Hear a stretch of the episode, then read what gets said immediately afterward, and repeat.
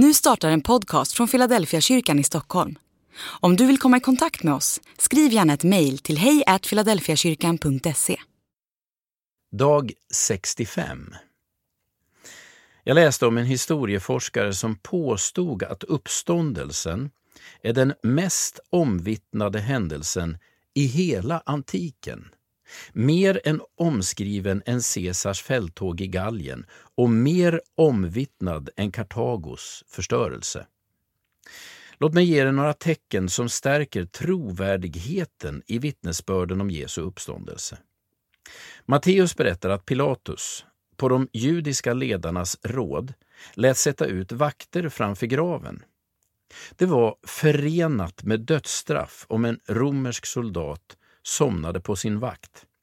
Ändå berättar Matteus att vakterna övertalas av det judiska rådet att säga att de somnade på sin vakt istället för att erkänna att något övernaturligt inträffat. För att dämpa oron bland vaktstyrkan skriver Matteus att de judiska ledarna gav vaktstyrkan en stor summa pengar och sa till dem att inte oroa sig för Pilatus. Matteus understryker att graven var stängd, förseglad och bevakad. Ändå inträffar något oförklarligt. För att hantera denna situation beslutar sig de judiska ledarna för att sprida uppgifter om att lärjungarna rövat bort kroppen. Det var knappast troligt att lärjungarna skulle röva bort kroppen även om de fått tillfälle. Alla fyra evangelier berättar om en grupp lärjungar som är förvirrade, rädda och desillusionerade. De tappar tron på allt de hoppats på och de är rädda för att själva möta samma öde som Jesus gjorde.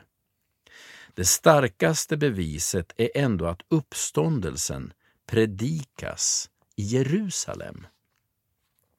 Det är samma plats där Jesus dog och blev begravd. Platsen där den första proklamationen om Jesu uppståndelse hålls ligger inte mer än ett par stenkast från platsen där han blev begravd. Om det hade varit i Rom eller i Aten hade man snabbt kunnat avvisa trovärdigheten. Men nu befinner man sig i Jerusalem, samma plats där Jesus blev avrättad och begravd. På pingstdagen berättar Petrus att Gud har uppväckt Jesus från de döda.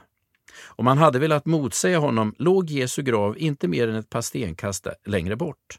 Men ingen invänder eftersom det förmodligen var känt att något märkligt hade hänt. Kanske är detta skälet till att Petri, Petrus predikan på pingstdagen får ett så stort genomslag. Mer än 3000 personer låter omvända sig till Jesus-tron. Var det därför man nu fick förklaringen till de märkliga händelser som hade inträffat i samband med Jesu död?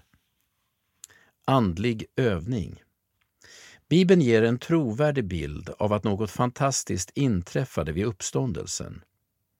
Ägna tid denna vecka åt att sätta dig in i Bibelns berättelse om uppståndelsen. Läs de sista kapitlen i Matteus, Markus, Lukas och Johannes skildringar och begrunda.